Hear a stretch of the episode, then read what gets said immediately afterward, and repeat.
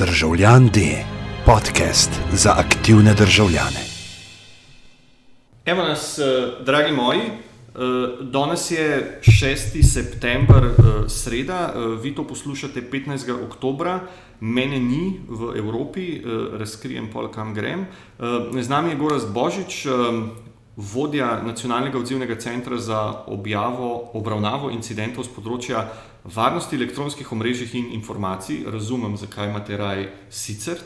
Um, danes se bomo pogovarjali o treh temah. Oktober je, je mesec kibernetske varnosti, uh, malo bomo komentirali um, globalno sceno, lokalno sceno, na koncu uh, bomo pa zadnjih ne vem, pet minut, če bo šlo, uh, namenila, uh, namenila besedi na B. Poslušajte do konca, da boste slišali, kaj ta beseda je, verjetno ste jo že uganili. Um, če gremo na začetek, oziroma če začnemo na začetku, od recimo zadnjega septembra ali pa mogoče ob, od zadnjega obhajanja uh, meseca kibernetske varnosti do danes se je zgodil veliko nekih incidentov, uh, scena se je nekako odprla oziroma uh, popularizirala. Uh, a to kaj vpliva, oziroma a, a bodo letos. Um, A bodo letos aktivnosti, dejavnosti v, v tem mesecu drugačne od prejšnjih let? Jaz mislim, predvsem, da bo uh, bolj dinamičen, Okej. mesec kibernetske varnosti, da bo veliko enih uh, dogodkov. Na splošno se mi pa zdi, da te uh, medijsko odmevne zadeve na področju kibernetske varnosti po tistem inicialnem rukarju vseeno malce dvignajo tisti nivo zavedanja, ne? Uh -huh. da je treba določene zadeve še nasloviti in začeti reševati. Um, tako da upam, da v bistvu to pomeni tudi, da se v Sloveniji krepi to zavedanje uh, pri odločevalcev. Ne, definitivno se krepi, uh, vidimo uh, pri velikih tujih državah in uh, v Evropski komisiji. Uh -huh. Ali lahko tako na začetku ena provokacija? A to, da se je zdaj v zadnjem letu ali pa v zadnjih teh mesecih uh, zgodil veliko teh incidentov, tipa WannaCry in, in ostalih, a to pomeni, da je v bistvu praksa ali pa namen teh, uh, te, uh, namen teh osveščevalnih kampanj, da, je, da so vse do zdaj zgrešile svoj cilj. Uf, to je bilo dosta radikalno. Um, tako, če bi rekel, da v bistvu še zmeraj imaš kakšno nesrečo, kjer uh, najdejo voznika, ki ni bil pripet. Ne, Uh -huh. rečeš pa je brez veze vse skupaj. okay. Um, in jaz bi rekel, v, v bistvu malo drugače gledam na, na te medijsko odmevne, ne, na te uh Mhm. -huh. velike zgodbe, ki pridejo z bumom ven na področju informacijske varnosti. Um, ne bi rad namreč, da se zgodi to, da v bistvu se zdaj nekdo najde in reče: O, to moramo pa zdaj čist drugače. Uh -huh. Nekaj, ne? Zdaj moramo pa neke barikade začeti postavljati, pa, uh -huh. pa, pa ne vem, to. Ne? Uh -huh. Um, v bistvu vemo, kako se take reči naslavlja, so pa stvari kompleksne ne? in nikoli uh -huh. ne bomo dosegli neke 100-odstotne varnosti, tako kot nikjer drugje v življenju. Uh -huh. A pa bi vseeno mogoče rekel, da, da obstaja neko področje, da, da se mogoče iz teh incidentov vidi, da obstaja področje, ki ste ga ali pa smo ga do zdaj zanemarjali, ali pa se je pokazalo kot, olej, še to, ne, moramo popedenati oziroma porihtati. Bi rekel, da ne. No? Stroka, uh, stroka ve, uh -huh. kaj so problemi uh -huh. in tudi ve, kje iskati rešitve. Uh -huh. Ampak ni stroka na področju informacijske varnosti tista, ki driva zadevo. Okay. Vedno. Driva je ekonomija. Okay. Ne? In če mi v bistvu ugrajujemo consumer grade produkte ne, uh -huh. v avtomobile, potem se ne moramo čuditi, zakaj v bistvu se jih da pohekati in zapeljati dol z ceste. Uh -huh. ne, uh -huh. Ali pa zavore izklopiti. ne. Mhm. Tukaj je v bistvu tudi ta uh, ekonomski moment, da v bistvu treba nižati stroške ne, uh -huh. in uh, pritisk konkurence, da ta uh, razvojni cikl mora biti zelo kratek, zato ker je v bistvu tisti, uh, drvimo na trg čim prej. Uh -huh. um, tako da, še enkrat, ni samo stroka na področju informacijske varnosti, ki je gonilo tega. Uh -huh. Mi v bistvu popravljamo napake in za drugimi, če tako rečem. Ne, uh -huh in uh, nimamo vedno um, vpliva na to, uh, oziroma ne moramo usiliti uh, dobrih praks, zato ker so drugi faktori močnejši. Uh -huh. Če se zdaj spustim na mogoče čisto konkretno zadevo, uh -huh. Lej, izsiljevalski virusi. Uh -huh. Srečam jaz um, par dni nazaj, prijatelja, ima manjšo založbo, 10 zaposlenih, 15 mašin imajo skupaj za serverji in tako naprej. Ne. In me vpraša, ti kaj so pa zdaj te zadnje zadeve tako kritične. Sem rekel, ja, ransomware, ne, siljevalski virusi, moraš imeti backupe, update, moraš mašine in tako naprej in ljudi naučiti, da ne klikajo eh, na vsako zadevo v e-mailu. In me vpraša, in povem, da, ima, da večinoma ima Windows XP. O, grozno, to, to je že življenjska doba potekla, ni več update in tako naprej. Uh -huh. In me vpraša, koliko je pa odkupnina? Sem rekel, podovati je 500 evrov. Rekel je, koliko bi jaz dal za licence, pa upgrade serverja, 15 ur. Uh -huh. Bom plačal odkupnino. Ne? In to je odgovor na, na tvoje. Okay. Tukaj je računica. Okay. Ne, z stališča stroke ne morete update. Uh -huh. Stališča enega podjetnika, no way. Uh -huh. To je 15 ur, uh -huh. bom sprejel riziko. Uh -huh. Ker to smo se, recimo, glih, zdaj si me spomnil, s Petričem smo se, smo se um, pogovarjali, uh, mislim, da poleti, oziroma preden smo šli na dopustno, ravno o tem, da, da pri, pri WannaCry, vsaj v unita prvi iteraciji, ko so na roke pošiljali ključe za odklepanje, da je bil zelo slab biznis model in da so pol nekje na sred kar nehali, uh -huh. zato ker je bilo preveč tega. Zdaj mi ti razlagaš, da so v bistvu ne, zelo dobro premislili ta poslovni model v smislu. Ja, sam, da smeš vona kraja vzeti za tipičen ransomware. Aha, okay. Tukaj se še vedno ne ve. Uh, to je bil zelo nerodno napisan ransomware in zelo čuden uh, način izplačila, zato uh, to izstopa od uh -huh. uh, rečem, običajne prakse izsiljevalskih virusov. Okay. Mal neroden je napisan, mal neroden je ta način plačevanja odkupnine. Uh -huh. Zato se pojavljajo različne špekulacije. Okay. Zakaj je temu tako? Ta, ta, ta najbolj enostavna je, da ja. yeah. zadeva ni bila ready for production uh mhm. -huh. in je pobegla iz laboratorija. Okay. Nekdo je rekel, bom jaz upgradeal uh, izsiljevalski virus z tem, da se bo pol še uh, s pomočjo uh, tistih NSA Zero Day, oziroma uh -huh. niso bili takrat več Zero Day, da se pri tistih NSA exploitov, da se bo širil po lokalnih omrežjih. Uh -huh. uh, In je v bistvu pri testiranju moja zadeva šla in se začela kot črl širiti uh, po internetu. To je ena teorija. Ne. Druga teorija je, da je vse za nalaž. Uh. -huh. Da samo zgleda kot uh, izsiljevalski virus, okay. da cilj je bil pa v bistvu uh, napad na določen, oziroma povzročiti neko motno uh mhm. -huh. na določenih sistemih. Veliko kušnja je bilo v Ukrajini, recimo. Okay. Ne? In pa iz tega se nadaljujejo teorije zarote. Ne? Zdaj, mhm. a je to, a je to mogoče celo na zahodu napisali, pa je to mhm. nek, neka diverzija. Nekaj staks, nek ne? Ampak eh, zadeva ni tipičen izsiljevalec. Okay. Oni, ki delajo to kot biznis, uh -huh. uh, ta organiziran kriminal ima dobro utečen stroj. Uh mhm. -huh. In ta vona kraj je bil pa tako hecen. Okay. Kjer so pa ne hecni? Oziroma... No, zdaj so bili nove variante Lokija. Uh, in to, mislim, vsakodnevno v bistvu prihajajo nove zadeve, malo modificirane, uh, preimenovane. Uh -huh. uh, Lani smo se z Tesla kriptom blazno uh -huh. ukvarjali. Uh -huh. Tako da tega je zdaj ne broj.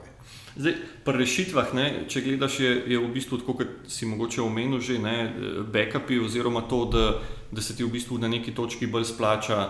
Eh, dnevno ali pa recimo tedensko delati backup in potem, ko nekdo nekaj po nesreči klikne ali pa ne, ne ve, da klikne, v bistvu sam disk ven vzeti, ga vršiti smeti in dati novega noter ja. in živeti naprej. Ja.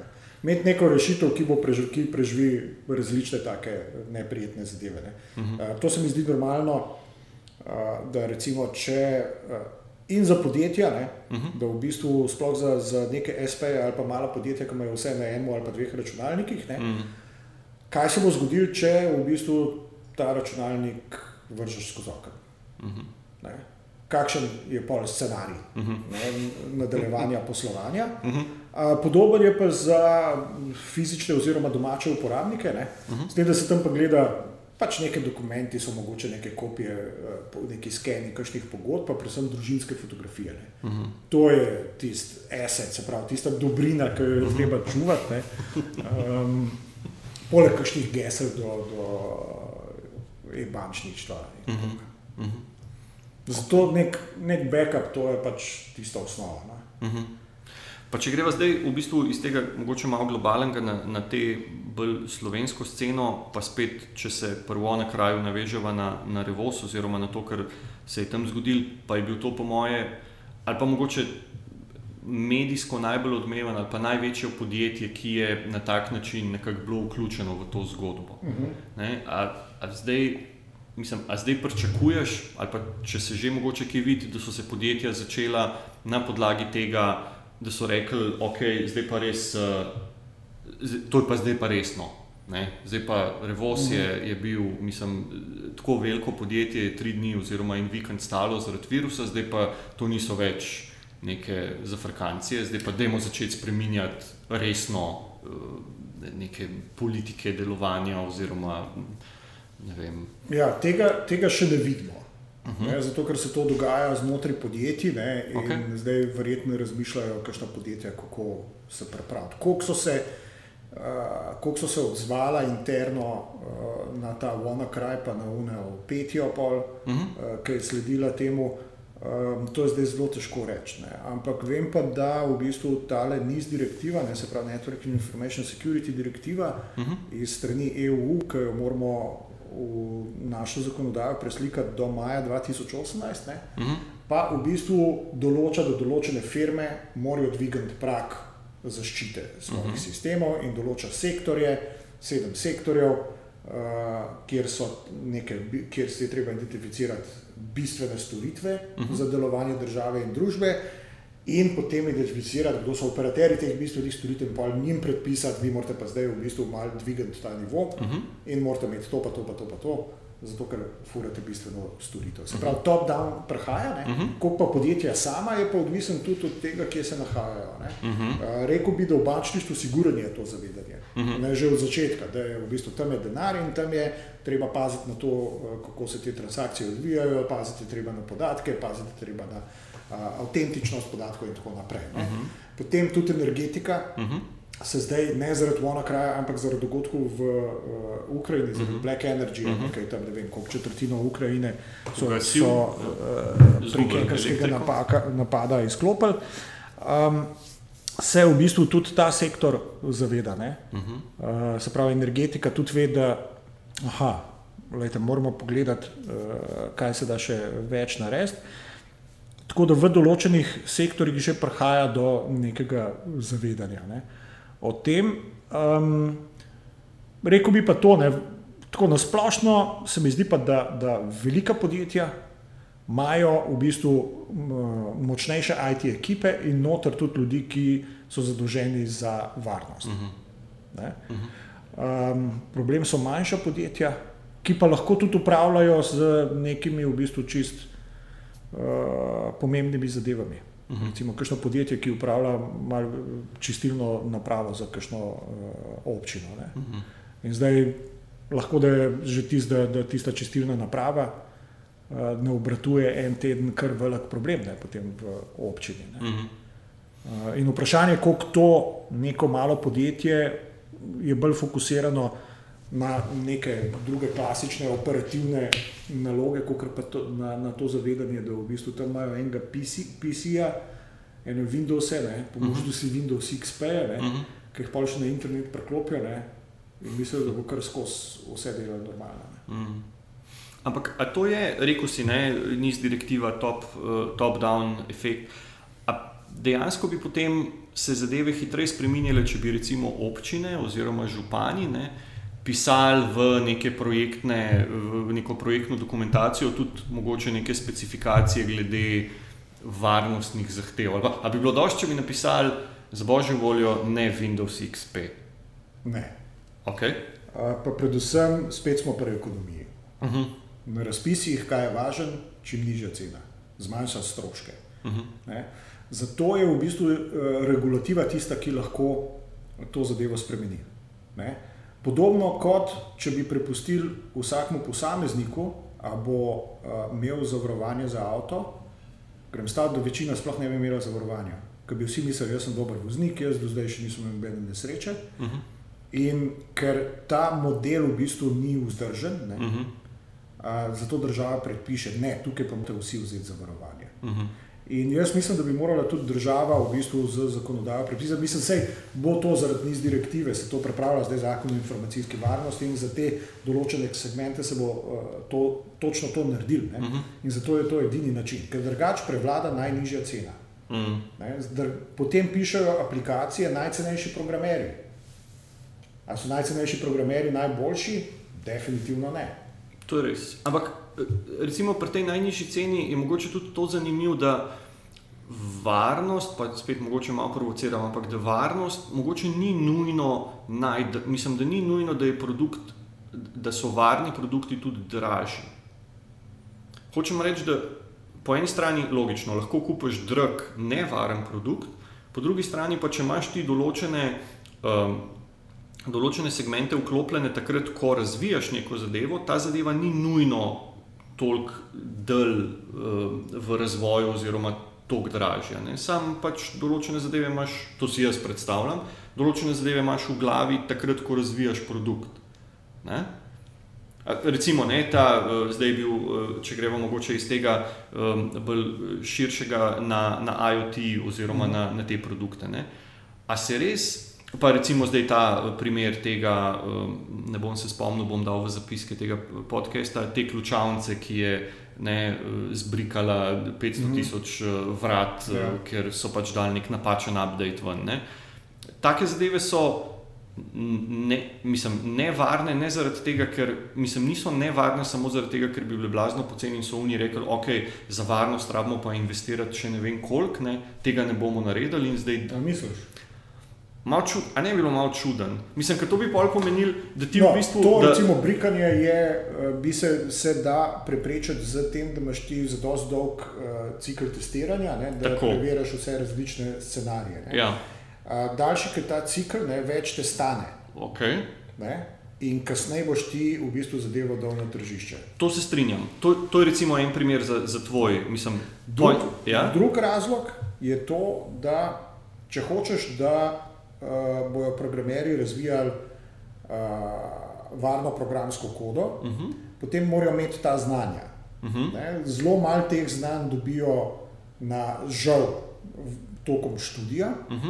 -huh. Zdaj se zadeva se popravlja, ne? tako uh -huh. da so že določene zadeve uh, in aktivnosti. Lahko vzameš programerje, ki niso študirali. Uh -huh. Sej, kaj je diploma? To je en papir, uh -huh. Veš, se ponavadi reče. Uh -huh in ne, in v bistvu ne vejo nič o tistih vsebinah, kako varno razvijati. Ne. Torej, jih moraš poslati na neke tečaje. Uh mhm. -huh. ne, ali pa dati v bistvu knjige in reči, da se pa v bistvu za nekaj ur vse tja preštudiri, pa v bistvu uh, probi malo boljšo kodo napisati. Ne. Ampak mogoče sem mislil, da vse to te stane, če si lastnik. To je, to je vse res. Mogoče sem mislil samo na, na primere, ko, ko recimo, ok, pa mogoče da zaradi hitrosti ali pa mogoče zaradi načina razvijanja nečesa pač na to ne, ne pomislijo. Tudi to. To, je, to je tretji razlog. Četrti ja. razlog je, shit happens. Ja. Veš, kakorkoli eh, boš ti v bistvu poliral kodo, še zmeraj obstaja možnost, da nekje bo, boš nekaj spregledal. Mm. Ne? In ti smo lahko neke posledice. Ne? To je en klasičen primer, je una Ariane raketa. Ja. Uh, ki je razgonil zaradi, zaradi uh, programske napake, pa so imeli v bistvu uh, in razvojna okolja, top, in v bistvu ta testiranje. In tako naprej. Kakšne zadeve se, se zmeraj prekrajajo. Tako da, a veš, ni en sam razlog, ki mm. rečemo, da bomo to pofiksali. Mm. Ampak pri velikih teh razlogih, ne, ko greš raziskovati razlog, prideš do tega zmanjševanja stroškov. Ne. In živimo v tem, da v bistvu ta rush to market je zelo močen dejavnik in nizka cena. Mm -hmm. In to pač vpliva na to, kakšne produkte potem imamo. Mhm. In grem spet nazaj na to, da se ponavljam. Edini, ki lahko to spremeni, je država, da reče: Ne. Vi, kitajsko podjetje, ki prodajate tako za nič kamere, da imajo default gesla in jih pa umiraj, botnet povežejo in terabitne hmm. napade, uh, izvajajo, vi na, v prostoru EU ne smete več prodajati produktov do nadaljnega, dokler nam ne zagotovite, da ste izboljšali svoje prakse. Mm. Ne, to se dogaja v, pri drugih proizvodih, je mm -hmm. to mhm. normalna praksa. Mm -hmm. Tukaj pri IoT-ju, IoT pa softveru, pa zgleda, da ne. Mm -hmm. Ne? Oziroma, vse so, vse so, vse so neke, neke, vse so neke une, uh, uh, une igračke, so že. Ja, Barbie. Pa, One Barbike so že v bistvu vzeli z tržišča in mm. tako naprej. Ne? Mm. Ampak to so mehanizmi, ki v bistvu potem lahko zboljšajo situacijo. Sam to, da bo v bistvu sama od sebe, pa da bojo lastniki rekli, da boljše imeti varen produkt. Ne, ker ga bojo manj prodali, ker bojo uh, kasneje na tržišču. Mm. Se pravi, tisti, ki mora potem izenačiti te kriterije, je pa država. Ne? Pa, mogoče je tudi, recimo, usporedno z eh, Cyber Security Mantom poteka v- jeseni tudi usporedno, ali pa mogoče z malo zamika, po- poteka tudi ta evropska inicijativa Code Week. Uh -huh. Pa smo se tudi o tem pogovarjali, oziroma o tej percepciji, pa ne samo pri Code Weeku, ampak tudi eh, v drugih podobnih inicijativah. Ta odnos do, ne, vsak je lahko programer, ne, vsi lahko to delamo, no. da se zdaj. Ja, da bo jasen. Meni se zdi to kul cool inicijativa in se mi zdi tudi kul cool koncept. Ne? Vsak se lahko nauči programiranja. Uh -huh. Nekaj drugega je, vsak je lahko programer. Uh -huh. Tudi to deloma, ampak kakšen programer. Uh -huh. A programer, ki bo neko aplikacijo delal za nuklear, nuklearno elektrarno Krško, uh -huh. verjetno ne bo tako prišel iz Codevika ven. Uh -huh. Oziroma, tudi ni smiselno, da sploh o tem razmišljamo. Ne? Ja. Ampak vse je tako, kot pri nekem gradbeništvu. Ne? Uh, fino je, da se vsak nauči ne vem, toliko nekih spretnosti, ne? ni to kul, cool, da lahko v bistvu postavi neko manjšo kolibico uh, in to, to okay. je čist kul. Cool. Ampak zdaj skok iz tega v bistvu za neko stolpnico graditi, ne, uh -huh. je pa izjemno velik. Ne. To uh -huh. pa ne gre kar tako. Uh -huh. um, tako da, ja, Week, programiranje populariz popularizirati. Uh, zelo se strinjam s tem, da bi morali to iti nazaj v šole, uh -huh. Vsaj, vsaj v tehnično-naravoslovne šole, če že ne v bistvu širše, pa gimnazije, pa mogoče tudi drugje, ker je po moje tudi to. Um, prek tega se nauči pač nek analitičen pristop reševanja problemov. Ne? Um, ampak to pa še ne pomeni, da vsak, ki v bistvu se nauči malo v Pythonu ali pa Rubiju uh, napisati en kratek programček, ne, da zdaj pa lahko gre na market in uh, v bistvu se uh, prodaja kot programer za kakršne koli mm. zadeve. Ne, pač tukaj so, tako kot povsod drugje, izkušnje so tiste, ki štejejo, nabrano znanje in izkušnje. Mm. Pa, ker imamo zdaj še 10 minut in, in sumam, da ne bova v 10 minutah prišla do konca uh, besede na B oziroma uh, blockchaina. Ja. Um, jaz mislim, da, da zdaj zadeva je v bistvu ratala zdaj tako bizarna, da, da se sploh ne moreš. Da je tak bazvor, da se sploh ne moreš pogovarjati o ničemer, ne da bi to nekako noter ufural. Ne. Se pravi, to je zdaj blockchain podcast, eh, ti piješ mm -hmm. blockchain Coca-Cola, pogovarjava se na blockchain stolu, se pravi, ne.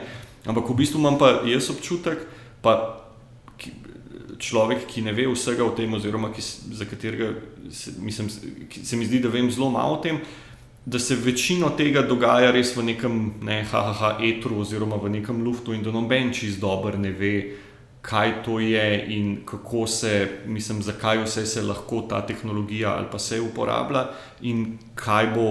Ne, kaj bo prinesla prihodnost, hkrati se pa dogajajo neki resni premiki in na državni ravni, in na podjetniški ravni, ne, da je treba to podpirati, razvijati, implementirati v neke ne, jedrske elektrarne in tako naprej. A se spomniš nanotehnologije? Ne. Nanotehnologija je bila tam okrog leta 2000, Ja? je bila podobna. Okay. Ful se je pisalo o nanotehnologiji, vse je bilo nanotehnologija, kako bo to čist spremenil uh -huh. naš svet. Ne? Okay. In kje je zdaj nanotehnologija? Ma, Mogoče mogoče dva- je tako majhna, da je ne vidimo, ker je Ja, nano. ja, ja. Ma, ma sigurno uh, svoj del in sigurno se še raziskave nadaljujejo, ampak to je po mojem ta hype cycle zadeva, ne? ker stvar pride ven, uh -huh. vsi navalijo, rata buzzword. In uh, naenkrat se piše samo o tem, pa se pa stvari malo umirijo ne, in ta uh -huh. nova tehnologija najde svoje mesto, ne, oziroma se začne uporabljati tam, kjer dejansko prenese neke, neke koristi. Ne, uh, čakamo pa na, na naslednjo stvar, ki bo rešila človeštvo, ne, če tako malo karikiram. Ne. In ta blockchain je zanimiva tehnologija, ne, zato ker je decentralizirana, ker v bistvu uh, se da nekako tako nekako crowdsourcing na, na steroidih. Ne. Uh -huh. um, edina, edina konkretna aplikacija, ki jo jaz poznam, je Bitcoin. Uh -huh. uh, Ethereum je v bistvu tam so tako zanimive zadeve, ne, kjer imaš neke smart pogodbe, ne, v bistvu uh -huh. programsko kodo, ne, uh, ampak tudi to mora nekdo napisati. Ne. Ampak tukaj, tukaj, to, da se blockchain v bistvu kaže kot neka demokratizacija, to smo že videli. Ne. To je internet bil na začetku. Mm. Kako bo vse spremenilo našo družbo in naenkrat bo demokracija uh, absolutna in nihče jo ne bo mogel več vzeti. Ne? Podoben moment je tukaj zdaj pri blockchainu, ne pa Bitcoinu. Ampak Bitcoin je napisal nek Satoshi Nakamoto, ne? Za katerega se sploh ne ve, kdo je. Zakaj ga je napisal, s kakšnimi nameni. Uh mhm. -huh. In tudi v enem TED Talku ne, je govorila, mislim, da z Oxford Univerze, uh, ena raziskovalka, Uh, in je rekla, ja, samo če hočeš ti neko valuto uporabljati, kdo bo napisal pravila za to valuto. Uh -huh. ne? um, to ni kar tako, da jih mi izglasujemo. Ne? Nekdo da zadevo in pa mi samo uporabljamo. Ne? To ni demokracija. Uh -huh. To uh -huh. v mhm. bistvu smo mi samo poslušni, poslušni uporabniki te tehnologije. Ne? To je pač ta moment. Ne? Um, je pa sigurno to uh, zanimivo raziskovati, kje bi ta blockchain tehnologija se dala sploh mm. uporabljati. Ne, kje, kje ima neke aplikacije. Um, zato se mi po svoje zdi čisto ok, da, da se štarta na to, da se vidi, da so tukaj neke priložnosti. Ne? Mm -hmm. uh, ampak ali bomo znali mi to v državi tudi izkoristiti ne? dejansko? Ne samo, da bomo veliko govorili o tem, ampak da pol, ko bomo našli neko koristno zadevo, ali bomo uspeli uh, ehm, to se skoncentrirati na to, da rečemo, to pa naša priložnost za Slovenijo, da bomo pa to uh uh, furati naprej, ali bo to spet se bo razdrobil uh, po parcialnih interesih, različnih in političnih in gospodarskih, in bo uh -huh. razvodenelo vse skupaj. Ampak recimo, če greva zdaj nazaj na ta državni del, pa, pa blockchain oziroma bitcoin. Ne? Zdaj imaš na eni strani imaš to blockchain um, koalicijo pri nas, potem imaš, da je Estonija rekla, da bo dala svoj coin ven, kar koli že to pomeni, oziroma da bo, on, da bo država začela v bistvu ponuditi. A se ti zdi, a, a, pa, če smo prej omenili nanotehnologije, ne, tam se mi ni zdel, ali pa kar se spomnim, no, da bi se države tako metale v to z neko da ne rečem, državno strategijo, oziroma da bi bile tako blizu začetka z nekimi res, ja. sistemskimi pristopi, kjer je pač ne, da imamo to. Hkrati se mi pa, recimo, sploh za Slovenijo, ne, glej zadnjič, um, sem, ne vem, je bilo na Twitterju, ne vem, kje smo se pogovarjali. Ravno to, da smo mi opravili neko kritično razpravo o tem fenomenu, ali je zdaj v bistvu, olej, to je zdaj full dobro, to je zdaj full flash, idemo se zdaj. Jaz take ne. razprave, tako zelo široke, nisem zasledil, ne? ker mene, mene konkretno bi zanimalo mnenje Banke Slovenije ne? in finančne uprave uh mhm. -huh. glede uvajanja kriptovalut. Uh -huh. A oni kaj o tem razmišljajo, a se pripravljajo na to, uh -huh. a je kakšen koncept tukaj, uh -huh. a kaj obdavčata, ne obdavčata, malo manj obdavčata ali, ali kaj. Banka Slovenije Mislim, a tukaj kaj ima ona vlogo pri kakšni uh mhm. -huh. regulaciji ali spodbujanju teh kriptovalut, ne? to razpravo pogrešam. Uh -huh. Imajo oni sploh uh, kakšne delovne ekipe, ki to um, razmišljajo, uh mhm. -huh. ali je ta blockchain inicijativa bolj nekje v svojem bablu, uh, pa v bistvu bolj start-upe uh, uh mhm. -huh. financirane. Uh -huh. In pol hkrati, ali je to pol je ta državna podpora oziroma državno zanimanje temu projektu dejansko nekaj resnega, ne? se pravi, da oni res, ver, mislim, verjamejo, res mislijo, da bodo okrog tega zgradili nek ekosistem, če jih mhm. banke ne podpirajo, ali je to v bistvu ne. Blockchain, kako je to. Ja, predstavnike države vprašati, ne, uh, zgleda, da so v bistvu kar nekaj pozornosti temu namenili. Ne, in jaz bi rekel, da um, zakaj ne. ne. Jaz bi to pozdravil, a veš, kako Estonci ne, izkoriščajo IT generalno uh mhm. -huh. za svojo promocijo.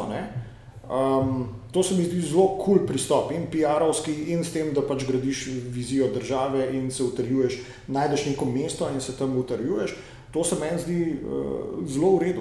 Um, bomo pa videli že, uh, kaj volitve imamo naslednje leto. Uh mhm. -huh.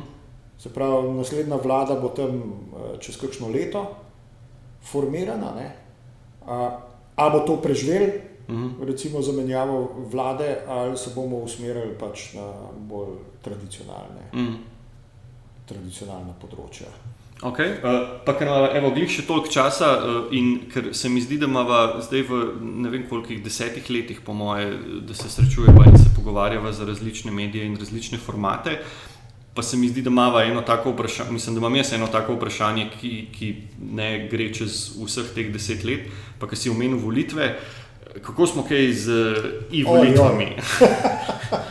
Blockchain jih bo rešil. Blockchain jih bo rešil. Ne bo jih rešil, zato ker. Uh, Blockchain je po svoji zasnovi um, transparenten, se pravi, ti lahko stresaš uh, transakcije, kako so, uh mhm. -huh. kako so šle skozi. Se pravi, se pravi veš, kdo jih je naredil. Oziroma... Ni rešena anonimnost, ne, pač uh mhm. -huh. blockchain rešuje tukaj um, vprašanja uh, verodostojnosti, se pravi, da so rezultati res natančni. Ne. To, da se uh mhm. -huh. porazdeli, da ni centralnega nekega serverja, kjer se skladišča, ampak da se to porazdeli. Um, z vsemi sodelujočimi, potencialno pač z vsemi uporabniki uh, v Sloveniji. To bi pač zagotovili to, ne, uh mhm. -huh. da veš, da so rezultati ta pravi. Še zmeraj imaš pa te probleme, da lahko pol verjetno identificiraš, kdo je kako glasoval. Uh -huh. uh -huh. um, ampak uh, to je tudi nekaj, mogoče spet ne. Pri teh volitvah je zmer, zakaj štartati tako eno polno državne volitve, ne, zato, ker, zato ker je to vse fajn slišati. Um, Dajmo štartati na vem, referendumske podpore, to mislim, da že je. Uh -huh. loh, uh, za predsedniške da, kandidate ni. Za predsedniške kandidate, zdaj ne vem, ali je tukaj kakšna uvera, da, da ne vem, je tukaj kakšna zaščita osebnih podatkov, pa ne vem kaj. Uh, in tukaj je recimo mogoče nek blockchain lahko, če je potreba. Hmm. Mislim, če se rab neki uh, zaradi funkcionalnosti blockchaina. No, ampak to ne bo rešil problemov elektronskih volitev. Prej vidimo zaradi teh vse špekulacije, koliko je Rusija v bistvu tiste uh, volitve demokratske stranke uh, vplivala. Uh, kako so v bistvu bili poskusi v Franciji, uh -huh. ne pohekati sistem. Prej se vidi, v bistvu, da je to zdaj ena taka um, ranljiva točka. Ne? Še posebej, če bi hotel zdaj rokohitrsko v parih letih nekaj na hitrsko vreči. To je projekt, ki bi ga bo treba zastaviti dolgoročno. Ne pa v, mislim, en mandat definitivno ni zadost. Mm. Neke vlade, da bo rekla, zdaj bomo pa, ne vem, dal nekam. 100 jurjev krat x ne, -huh. in bomo imeli rešitev. Ne, tista rešitev, sigurno, ne bo za dosti testirana uh, in preverjena, in bo lahko nekdo prišel in nam naredil veliko sranje. Uh -huh. Okay, um, pa deva, da ne bomo zaključili s sranjem. Uh, še eno, še eno sorry, temo, sorry. še eno temo, ne, ne, se v redu, sem tako.